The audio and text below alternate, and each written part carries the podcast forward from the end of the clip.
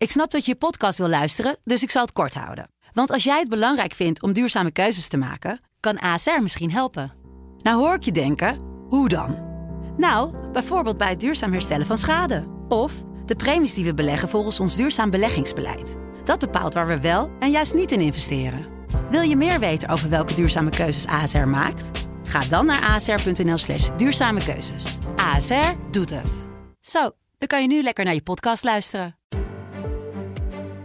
Dit is een podcast van de Telegraaf. De nonchalance en de bravoure waarmee alles verkocht wordt, dat wekt bijna evenredige woede en boosheid op als de kille statistieken van we hebben nu 200.000 mensen gevaccineerd. Ja. Omdat er gewoon een voorstelling van zaken wordt gegeven, alsof het allemaal eigenlijk prima volgens plan verloopt. Afhameren met Wouter de Winter.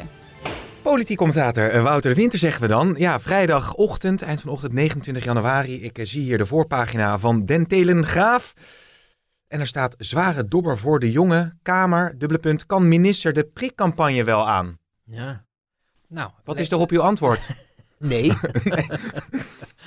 nee, ja, de- op- we kunnen toch niet tot een andere conclusie komen als je ziet eh, de mismatch vooral tussen eh, datgene wat eh, de jongen daar zelf over zegt en hoe dat in de samenleving ervaren wordt. Eh, en daarmee gelukkig ook in de Tweede Kamer, die toch wel de temperatuur van het ongeduld en de onvrede en eh, het onbegrip, eh, denk ik, aanvoelt. Het is natuurlijk wel verkiezingstijd, dus eh, alle quotes op televisie beginnen met onbegrijpelijk en ongelooflijk. Maar het is ook heel erg moeilijk uit te leggen. En ik moet je wel zeggen, toen de jongen bekend maakte dat hij niet meer voor het leiderschap van het CDA zou gaan, Mhm. toen hoorde je al in zijn omgeving dat de tijd die eraan zou komen in de winter zo ontzettend heftig zou worden. Dat het onmogelijk zou zijn om dat nog te combineren met het lijsttrekkerschap. Oké. En toen werd specifiek het vaccinatiebeleid genoemd. Maar niet zozeer eh, vanwege het feit dat eh, onduidelijkheid over zou ontstaan. Of dat we te weinig zouden vaccineren. Maar dat er in de samenleving een ja, soort scheuring werd vermoed. Dat er wel vaccins waren, maar dat sommige mensen ze eerder zouden krijgen Ja. dan andere mensen. Ja. En dat dat tot spanningen zou leiden in de bevolking. Dat was de afweging waarom men destijds zei dat vaccinatiebeleid wordt nog een enorme eh, kluif straks. Ehm, en nu zie je dat nog niet eens dat de reden is waarom er zoveel onrust is ontstaan, maar veel meer over het feit dat er te weinig geprikt wordt. En dat heeft dan te maken met al die structuren in Nederland ehm, en, en koninkrijkjes die er zijn bij de GGD. En dan willen de huisartsen ook nog zelf. En eh, waardoor zo'n ministerie eigenlijk eh, eh, ja, onthuld wordt als de keizer die geen kleren aan heeft. Want in feite gewoon helemaal niet een soort structuur heeft waarin zij dat soort dingen ja, goed kunnen managen. Mag ik wat voordragen uit eigen werk? Eh, jouw werk bedoel je? Ja, nee, dat is dan altijd een beetje zo'n running gag. Maar ik sprak eh, Hugo de Jonge dinsdag Eh, nou, hè, hier specifiek over. Eh, We kunnen even een fragmentje laten horen. Iedereen krijgt naar rato van zijn bevolkingsomvang de vaccins. Dus niemand kan sneller dan wat je krijgt. Maar En de- u wel, want uw voorraad is groter geweest En dan de- andere landen, toch? Ja, maar dat scheelt enkele honderdduizenden. Dat heeft alleen met deze start te maken. Dus dat, en dat lopen we de komende weken in. Dus dat is zeker niet eh, iets wat ons ook de komende maanden nog parten gaat spelen.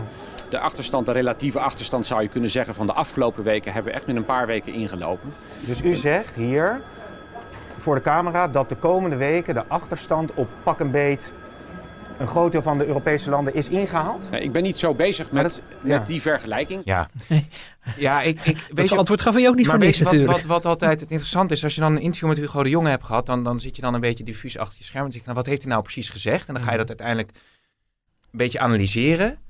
En bijvoorbeeld, hij zegt dan hier, zegt hij in het begin, ja, het gaat om enkele honderdduizenden. En dan Nou, denk kom ik, maar maar eens om. dat, dat is toch hartstikke Ja. eh, relevant, lijkt mij. Ja.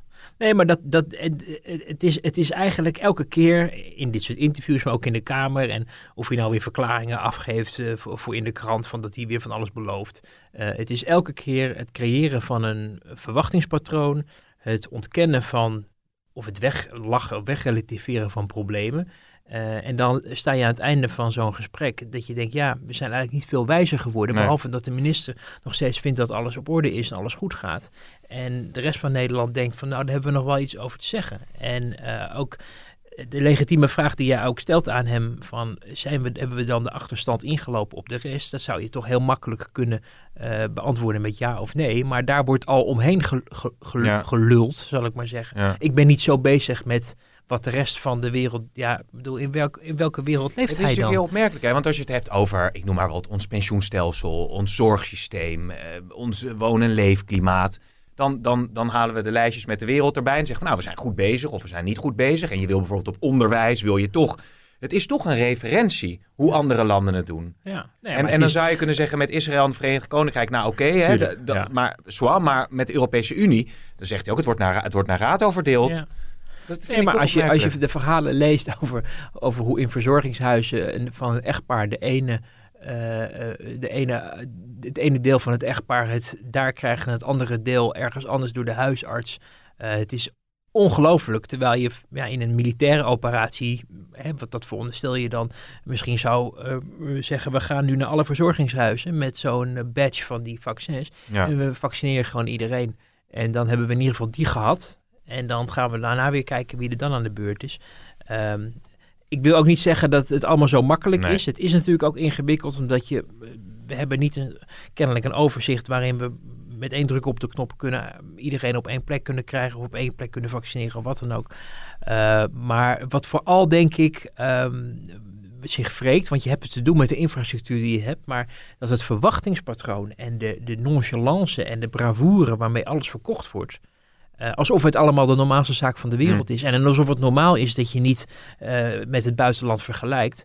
Eh, dat wekt bijna evenredige woede en boosheid en ergernis op als de kille statistieken van we hebben nu 200.000 mensen gevaccineerd. Ja. Omdat er gewoon een voor- voorstelling van zaken wordt gegeven. Alsof het allemaal eigenlijk prima volgens plan verloopt. En dat, hebben, dat argument hebben we natuurlijk richting de kerst ook al gehoord. Hè? Hm. Toen was er ook commotie over die vaccinatiestrategie. En waarom niet eh, nu al beginnen en waarom pas op 9 Het januari? symbolische eerste prikje. Ja, en, het, en toen heeft de jongen en ook Rutte overigens in het debat eh, gezegd dat het allemaal eh, prima liep en er geen enkele reden was om het op een andere manier aan te pakken, tot grote ergernis van de bevolking en van de Tweede Kamer.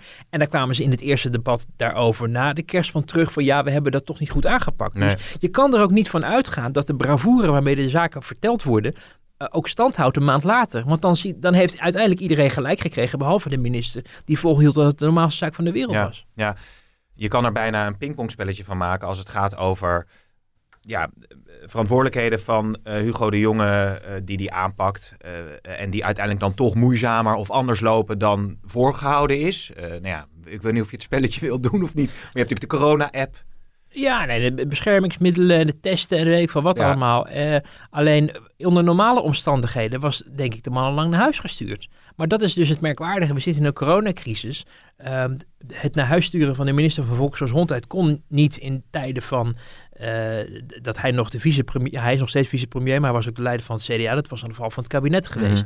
Dat wilde ook in de coalitie niemand, want in een, in een eh, midden in de, het aanpakken van de coronacrisis stuur je geen landsbestuur naar huis. Ehm, nu kan dat wat makkelijker, omdat er toch al verkiezingen aankomen vanwege de toeslagaffaire. Kon men die stap een stuk sneller en makkelijker nemen dan denk ik een half jaar of een jaar geleden. Eh, maar ja, de, de, de, de trieste realiteit is dat nou ja, iemand al zoveel kansen gekregen heeft en elke keer die toch niet waar heeft gemaakt. Ook al zijn die omstandigheden gewoon heel erg moeilijk.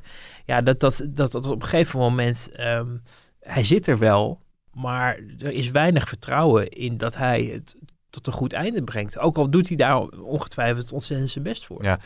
Nog heel even over dat vaccineren. Ehm, je hebt natuurlijk 17 miljoen of 18 miljoen vaccinatiedeskundigen inmiddels in dit land, zou je bijna kunnen zeggen. Iedereen vindt er wat van. Gisteren bij eh Jinek zat eh, Ernst Kuipers natuurlijk weer, eh, de voorzitter van Landelijk Netwerk Acute Zorg. En die zei het, het volgende daarover. Mensen zeggen, ga nou alsjeblieft sneller. En wie houdt het dan tegen? Wie, zit, wie moeten we dan bellen of aanspreken en zeggen... stop met dit eindeloos bewaren van het tweede vaccin. Ga gewoon prikken. Ja, RIVM en VWS moet je dan aanspreken. Ja, dat betekent gewoon een andere risicoperceptie. hè. Zet je het risico op dat je niet iedereen na zoveel weken kunt vaccineren... omdat je niet zeker weet of je het tweede vaccin hebt? Of zet je het risico op, laten we dan maar voorzichtig doen... met zo beperkt mogelijk mensen het eerste vaccin geven? Ja, ik vond dit ook heel relevant wat hij zei. Want ik, ik, toevallig zie ik vanochtend nog een, eh, een, een tweet eh, van eh, De Heel, hè, van eh, Fauci, de, de viroloog, natuurlijk de Mhm. viroloog in Amerika. En die zegt, oké, ja, het is cruciaal dat je mensen nu maar zo snel mogelijk vaccineert omdat er dan toch meer mensen tijdelijk immuun zijn tegen ook die mutaties van dat virus. Ja. Dus je hoort heel veel geluiden van ga alsjeblieft Ja. prikken. Ja, En hou die voorraad niet zo groot. Ik, eh, ik, ik, ik probeer toch vooral niet een van die 17 miljoen virologen Nee. te zijn. Omdat ik wel het echt heel belangrijk vind dat je je probeert te beperken tot de zaken waar je echt eh, ja, verstand van hebt. En of denkt te hebben. eh, maar dan ook met enige onderbouwing dat je er al 16 jaar mee bezig bent. Ja. Zoals ik met mijn werk in de politiek. Maar ehm, eh, als ik het beleidsmatig bekijk van hoe werkt het met verantwoordelijkheden in de politiek en, en, de, en hoe, hoe, hoe bestuur je een land in dit geval, dan is het wel heel erg gevaarlijk om te verwachten van een ministerie en een minister om de adviezen van een fabrikant en van de toezichthouder, Ja. hè, EMA, eh medicijnenagentschap, die dus nu ook weer hebben gezegd eh, drie weken max Ja. voor dat Pfizer-vaccin, om dat naast je neer te leggen Ja. en denkt wij gaan dat gewoon omdat dokter Fauci het zegt of omdat wij denken dat het misschien op een andere manier eh, ja, goed komt om op die manier de, de, de, R, de, de reproductiegetal omlaag te krijgen. Dat is een politiek een, een ongelooflijk groot risico wat Ja. je neemt. Want wat doe je als de Pfizer-fabriek eh, straks een stroomstoring krijgt en alle vaccins die nu geproduceerd worden de komende week of Ja, zo. het is ook wat opportunistisch. Ernst Kuipers zegt, ja, dan gooi je er een andere spuit in. Van een, van een ander... Ook, da- eh, ook dat. Nou, ik heb, ik, maar goed, misschien hij wel, maar ik heb nog Nee. niet ergens gelezen dat dat kan. Hij zegt, Nee. ja, het werkt hetzelfde. Maar deze man gaat dus over het coördineren van de, van de, hè, de, de zorgcapaciteit. En hij is eh, zelf eh, natuurlijk ook eh, de, de baas van het Erasmus Medisch Centrum. Dus dat is niet iemand die, de, die er totaal geen Nee. zicht op heeft. Maar we hebben wel een beetje de neiging. En dat komt ook, denk ik, ook omdat het kabinet en de jongen ook een te grote eh hiaat laten bestaan. Een grote kloof tussen, eh, tussen voor, eh, effectieve voorlichting en, en verwachtingspatronen, et cetera. Maar dat er dus mensen als Ernst Kuipers en Diederik Gommers en die mevrouw Koopmans en, en die ook, en- Gommers, die Ap- geen avondklok, wel avondklok. ja, hè? Ab Dat- Osterhaus. Het gaat alle kanten op. En die mensen die hebben andere verantwoordelijkheden, ook andere expertisegebieden eh, vaak. Veranderen nog eens van mening. Ik, we hebben het hier, we hebben Gommers kan je noemen, maar we hebben het hier eh, in, in de podcast al een paar keer ook gehad over hoe zowel Gommers als Kuipers eh, zo aan het einde van de zomer zeiden dat we nooit meer terug zouden moeten naar zo'n lockdown, want dan zou de economie aan kapot gaan. Dat er experimenten moesten komen met Mhm. stadions die vol zouden moesten stromen. In Leeuwarden herinner ik me, want ja, daar eh, hield het virus toch niet zo huis. Dus er zijn allerlei adviezen gegeven. En dan vervolgens twee weken later werd er gezegd door Kuipers, ja, het kabinet heeft te Ja. laat ingegrepen. Ja. Ja, zo kan je natuurlijk in ieder geval Nee. in de politiek niet besturen. Dus het is makkelijk om dat te roepen. eh, maar de verantwoordelijkheid voor als het misgaat, komt op het bordje van de politiek verantwoordelijk en niet op het bordje van Kuipers. En, en, en daarom vind ik wel dat je, als het, als het hierom gaat, ja, Kuipers zegt alles vaccineren en, en we zien wat maar het schip strandt.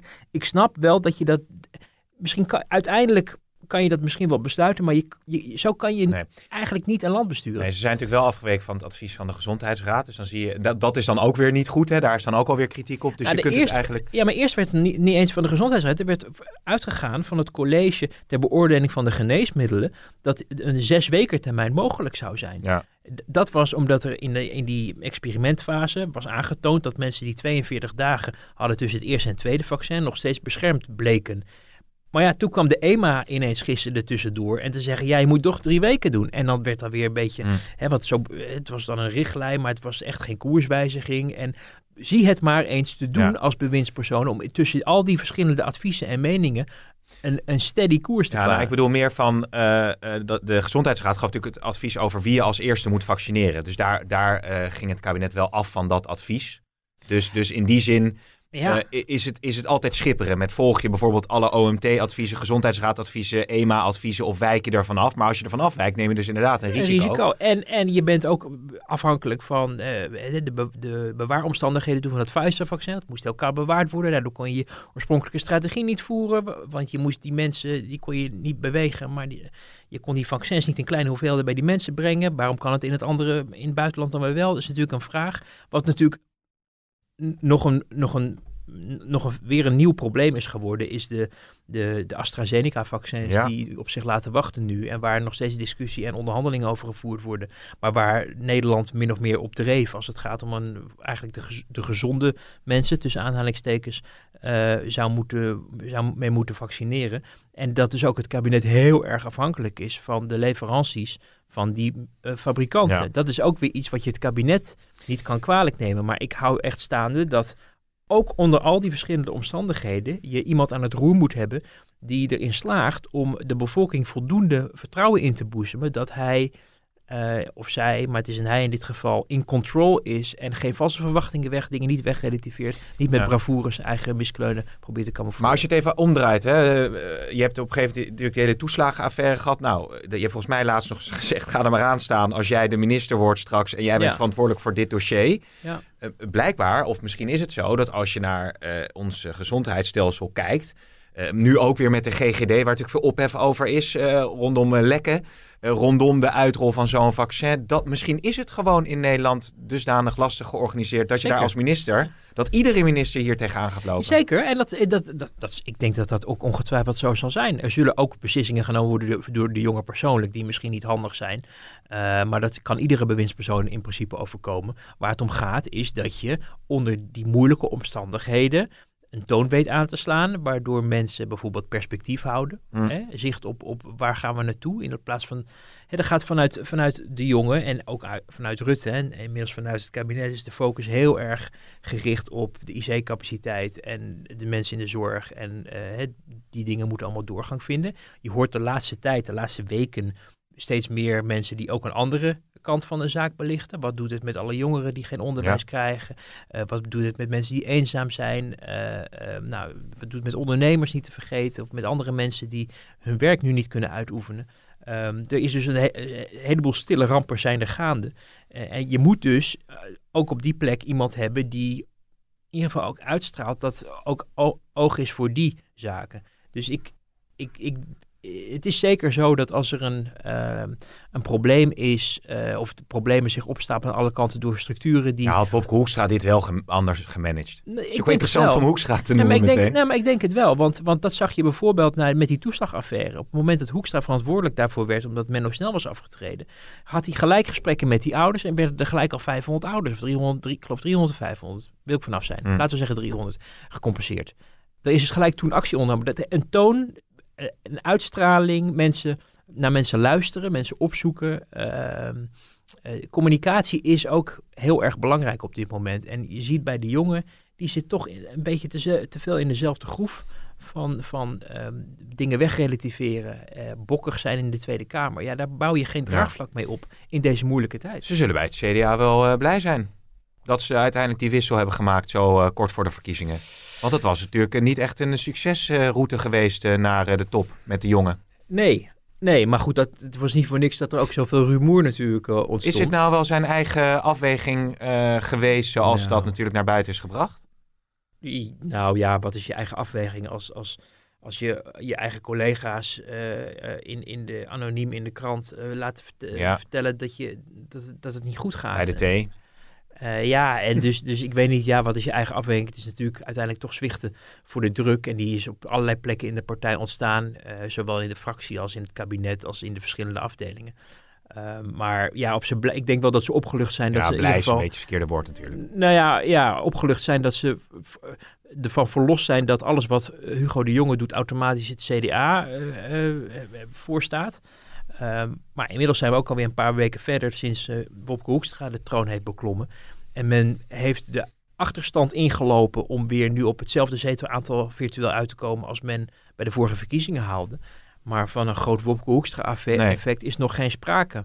Maar ik denk dat ze bij CDA al lang blij zijn dat, ze, dat ze in ieder geval niet op verlies meer staan. Nee. Dat is natuurlijk, eh, eh, dat zag er natuurlijk veel, eh, veel ernstiger uit toen Hugo nog, Hugo de Jonge nog. Natuurlijk eigenlijk feitelijk de toeslagenaffaire bonus, tweet ik deze week nog. Als je kijkt nu naar de, de, de coalitiepartijen, ja. als je het bij elkaar optelt, staan ze op volgens mij op meer zetels dan voor de toeslagenaffaire, of voordat het kabinet nou ja, eh, alleen eh, de D66 lekt zetels, zullen we Ja. maar zeggen. Ja, Dus die kan eh, misschien worden, worden ingeruild tegen die tijd. Maar het is natuurlijk fascinerend als je ziet hoe ehm, momenteel de VVD op een op eenzame hoogte staat. De Ja. peilingwijzer die vandaag uitkwam van 41 tot 45 eh, zetels als, als interval. Dat is in een nationale crisis natuurlijk niet heel ongebruikelijk dat mensen het gezag opzoeken. Maar wat ik heel fascinerend vind momenteel is dat je de VVD eigenlijk niet hoort over dit hele corona. eh, eh, drama en het hele vaccinatiedrama, terwijl het de grootste partij is. Eh, Rutte die steunt Hugo de Jonge eh, met woorden, Maar je hoort ze nooit publiekelijk, zoals je dat bij GroenLinks of D66 of de PvdA of de SP, eh, die allemaal bezorgdheden uiten over vaccinatie. Maar de VV, van de VVD hoor je eigenlijk niks. Nou, laten we dat eens eh, even wat dieper op, eh, op ingaan. Want is dat een, bewuste strategie van nou, te- Rutte denkt laat, laat de jongen maar, maar gaan. Dan raakt het ons minder. Ja, het is, het is tweeledig. Er is een opvatting in de VVD ontstaan aan het begin van de crisis dat eh, eh, de kiezer, de burgers in Nederland er niet op zitten te wachten dat men elkaar de tent uitvecht in een crisistijd. Dus dat politici over de rug van de coronacrisis politiek gaan bedrijven, eh, daar, daar zou, eh, en dat hebben ze, hebben ze een aantal peilingen lopen ze dan ook mee te zwaaien van kijk, sommige partijen doen het wel. En dat heeft hen niet verder gebracht. Dus dat houden wij staan. Wat, het, het tweede wat een rol speelt, dat heeft er ook misschien automatisch mee te maken. eh, dat is dat het met de VVD zo goed gaat.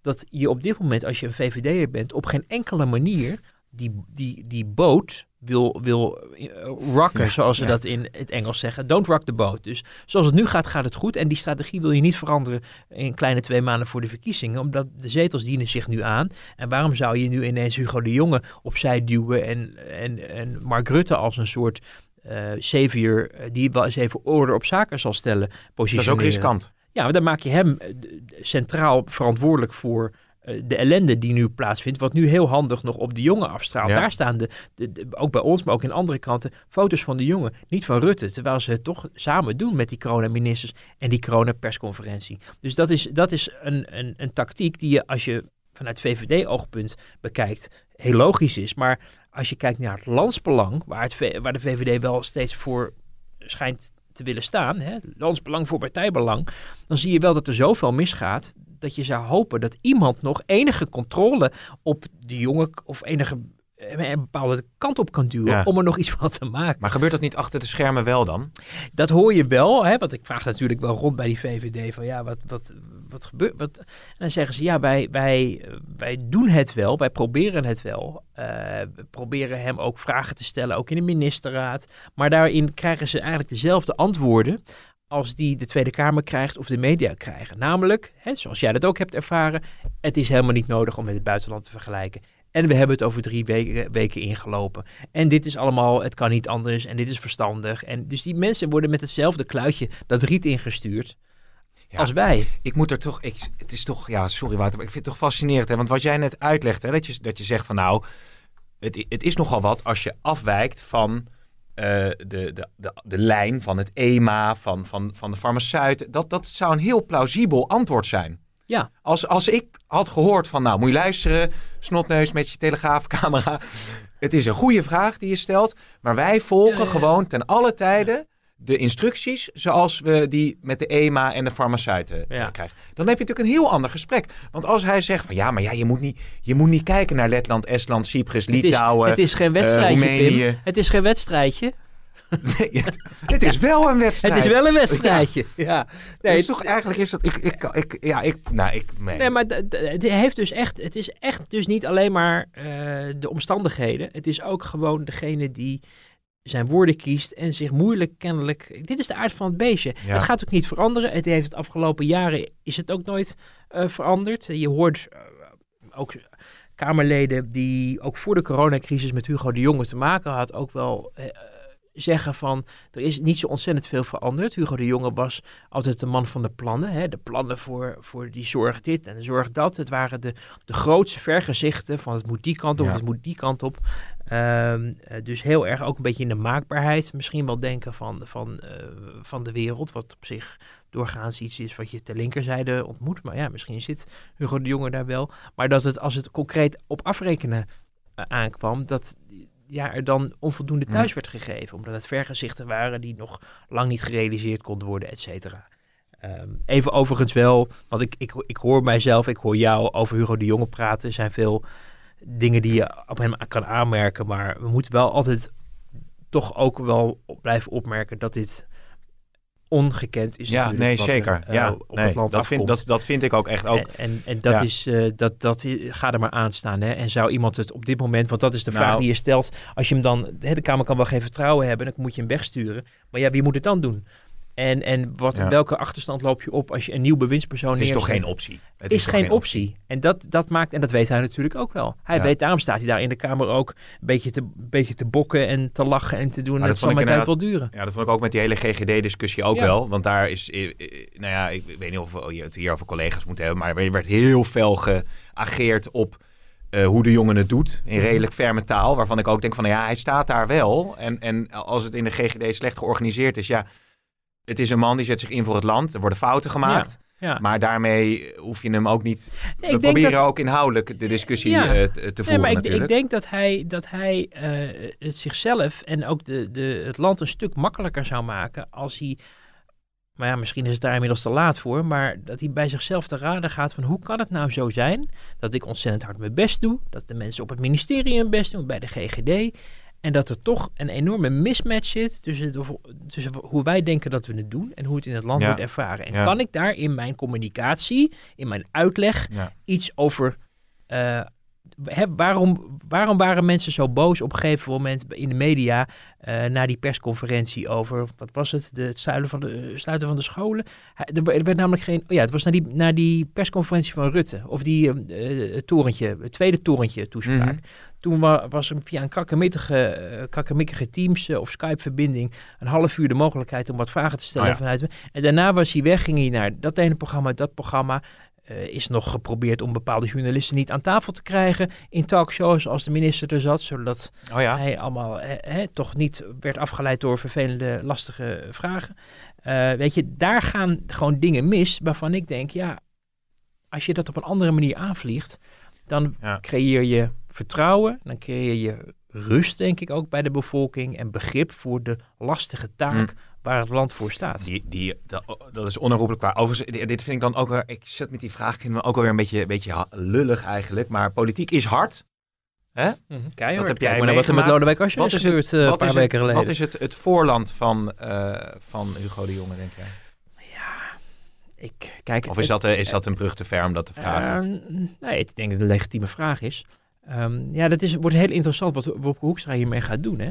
Want laten we ervan uitgaan, misschien wat optimistisch gedacht, dat er in juni een nieuw kabinet zit. Dan zitten we mogelijk nog steeds eh, heel diep in die crisis. Wil je dan wisselen met een nieuwe bewindspersoon? Of wil je iets van, ja, hij doet het nu al zo lang, hij Hmm. moet blijven omdat hij zoveel weet en er ervaring in heeft. Tot nu, als je het nu zou bekijken, dan zou je zeggen, nou, het is wel tijd voor een wissel.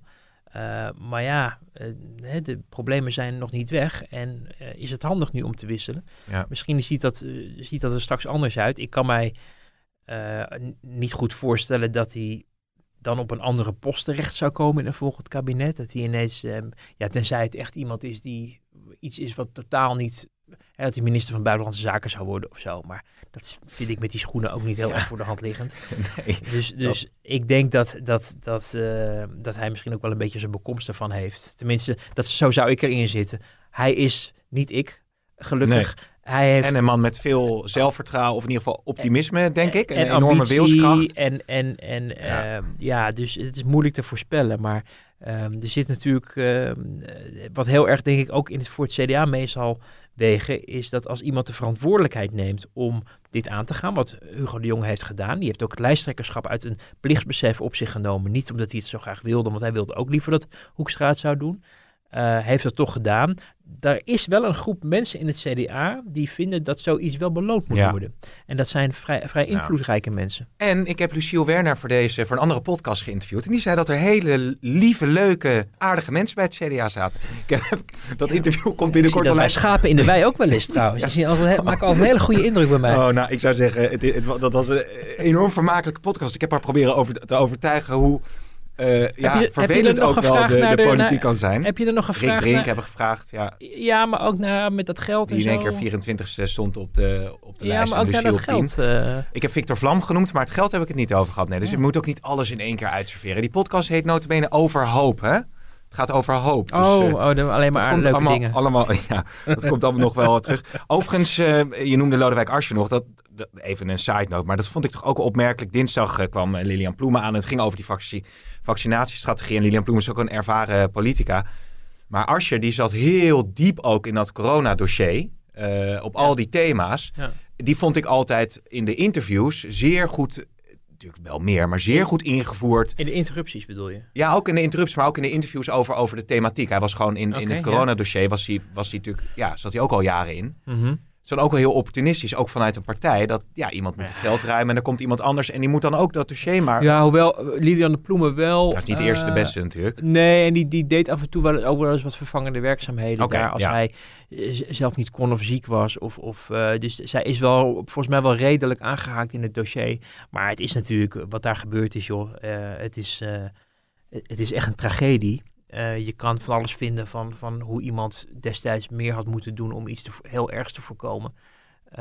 Hè, staatsrechtelijk deugt het natuurlijk van geen kant dat je daar nu iemand voor wegstuurt. Want zo werkt het systeem Hmm. nou eenmaal niet. Maar goed, als je dat als partij kennelijk belangrijk vindt. Maar de manier waarop dat is gegaan, twee maanden voor de verkiezingen. eh, voor iemand die echt wel, die echt wel wat kon. Hè. We hebben natuurlijk ook vaak wel met, met, met bepaalde politieke leiders of met bewindspersonen gedacht van ja, Dat je- bedoel ik. Je zag het wel misgaan. Je zag je, met Wilma Mansveld deed het goed in Groningen, maar op het moment dat ze staatssecretaris was, dat is nooit, dat is nooit goed gegaan. Nee. Dus je wist dat dat vroeg of laat zou eh, ontploffen. En Nou, noem Cohen ook, hè, bijvoorbeeld. Job Cohen, hè, dat werd vanaf dag één al duidelijk dat, dat het, het, het leiderschap toch iets anders, het partijleiderschap iets anders is dan, dan het burgemeesterschap. En, en ehm, ja, ik vond dat eh, bij, ehm bij Asscher wel, eh, ja, wel heel. eh, wel heel tragisch ook. Iemand die, die de Kamer ook wel versterkte Ja. met zijn, in ieder geval zijn capaciteiten om Rutte het moeilijk te maken. Dat kunnen niet zoveel mensen. En ja, daarmee ook tragisch. Maar ja, wie weet wat de toekomst brengen zal. Hè? Asscher is nog niet dood. Nee. Zoals we eh, op een gegeven moment En vaststelden veel in kaartjes gehad, zag ik op zijn eh, ja, Instagram. En, en deze man die gaan we nog wel ergens terugzien. Hè? Die, Ja. Weet, hij wil volgens mij eh, nou, misschien burgemeesterschap van een grote stad. Zo Ja, nou ergens aan de Amstel. welke? Wie weet. Oh, nou ja, goed, dat wachten, we, dat wachten we allemaal af. Nou, het leger wordt voorlopig nog niet ingezet. Daar zijn we ook even duidelijk in. Vond je daarvan iets wat opportun van, van Wilders? Om het leger... eh, Ehm, nou, ik denk dat een heleboel mensen in. En dat, dat, en dat voelt Wilders dus heel goed aan. Hè? Die denkt dus niet in die structuren van ja, dat kan allemaal niet. En die mensen zijn niet opgeleid om. Nee, die denkt wat vinden mijn kiezers? Die zien chaos. Die denken politie kan het niet aan. Die zien dat eh, Primera Maaike haar winkel eh, verliest door dat stelletje idioten. Ja. Eh, en die denken ja, er moet orde en gezag terugkomen. Heet ze Want wij Maaike, ja? zitten. Ja, want wij zitten, wij zitten, ja, we hebben kennis gemaakt van de week. Wij zitten thuis opgesloten. oh ja. En andere mensen die maken er een potje van. En daar, wordt, daar kan de overheid kennelijk niet voldoende tegen optreden. Ja. Moet je eens kijken wat de chaos het was. Dus, die- dus dan zegt Wilders, nou dan zet je het leger maar in. Dan zullen we de orde wel herstellen. Nou, Ja. het is allemaal ingewikkeld. En dan zegt ja, de politie, ja, die willen natuurlijk dat ook niet. Want dan, eh, hè, je kan vragen of het leger is bedoeld om te vechten. En om in principe ook mensen van het leven te beroven. Ik weet niet of dat iets is wat we op de straten willen zien. Dus daar zijn allerlei dingen tegenover te stellen. Maar ehm, eventjes leek het een paar dagen zo te zijn dat de overheid. eh, er er ontstonden een soort eigen burgermilities met voetbalsupporters die als Ja. een soort patrouille door de straten gingen lopen. Dat is, was best wel griezelig, vond ik. Ook voor mensen die. Hè, ik, je zal er maar wonen in zo'n straat en bang zijn dat je door een groep idioten Ja. eh, je huis in de fik wordt Nou, gestoken. Anekdote, voetbaltraining, dat is heel klein, maar voetbaltraining van mijn zoontje ging niet door, omdat eh, de route zo ongeveer langs de rechtbank van Amsterdam ging. Mhm. En er dus zoveel vrees was, want dat was ook een target, voor ongeregeldheden in die buurt, dat ze dus niet konden instaan voor de veiligheid van de kinderen om naar de voetbaltraining te gaan. Nou ja, Goed. ja maar, ja, maar Het dat, leger hoeft trouwens niet, doet ook, het leger doet ook de prikken, hè, en, en, of in ieder geval Zeker. logistiek, dus die hoeven niet meteen, eh Nee, maar maar die dat, manier is geen Vietnam. Nee, maar en, en laten we wel wezen, een avondklok hadden we, hadden we, is ook iets wat we niet meer kennen sinds, sinds een, du- een duistere periode. Dus dat er naar onorthodoxe maatregelen gegrepen wordt Nee, precies. in onortho- onorthodoxe tijden. Het is bijna net zo erg als op het scherpst van Van de, de snede. ja, die ver, vermijd je ook vaak. twee hè. weken geleden, toen ik daar zo gruwelijk de mis mee inging. Ja. Ehm, nou ja, dat vind ik op zich ook niet zo'n gekke gedachte. Gelukkig is het, is het eh, niet nodig. En je moet natuurlijk altijd eh, kijken van, hey, is het proportioneel of niet. Maar Nee. dat je als, als volksvertegenwoordiger iets oppert, wat door best nog, denk ik, een flink deel in, in, in, in Nederland ook eh, ge- geroepen of verwacht wordt, vind ik eigenlijk Ja. alleen maar gezond. Ja, ik weet niet of we alweer aan de bonusminuten zitten, maar eh, dinsdag spreken we elkaar weer, want dan is de volgende persconferentie. Ja, Misschien nog even kort eh, een vooruitblik. Ehm, scholen, eh basisscholen, kinderopvang open vanaf 8 februari. Daar zullen ze wel naar gaan streven. Ik denk wel dat, dat we dat, tenzij we nu de komende drie dagen richting de 10.000 besmettingen gaan of zo. Ja. Maar je ziet dat dat, er is wel een plateau bereikt. eh, zo rond de 4.000 hangt het nu, hè, Hmm. tussen de 4 en 5. Het is geen 10.000 meer, het is geen 11.000 of wat dan ook. Eh, het wordt wel een beetje eng natuurlijk, want je weet niet wat er gaat gebeuren op het moment dat, dat die scholen weer open zijn. Ik denk dat je hele geleidelijke stappen zal zien. Dus nu dan de scholen. De avondklok hoorden we deze week gaat er ook echt aan. Dat is echt de bedoeling. Ook op dat datzelfde eh, moment? Ja, dat was echt, dat was echt het streven. Eh, dat kan altijd weer veranderen. Ook misschien omdat ze hebben gezien dat het nu eigenlijk wel goed gaat en mensen zich er wel goed aan houden. Maar goed, dingen kunnen veranderen. Soms nog op een, een uur voor de persconferentie. De volgende stap wordt dan het voortgezet onderwijs. Maar dan, dat zullen we denk ik niet eh, al op die 9 februari Nee. zien. Het zal heel geleidelijk verlopen. Ik denk echt in intervallen van twee, drie weken dat je iets meer ruimte gaat krijgen.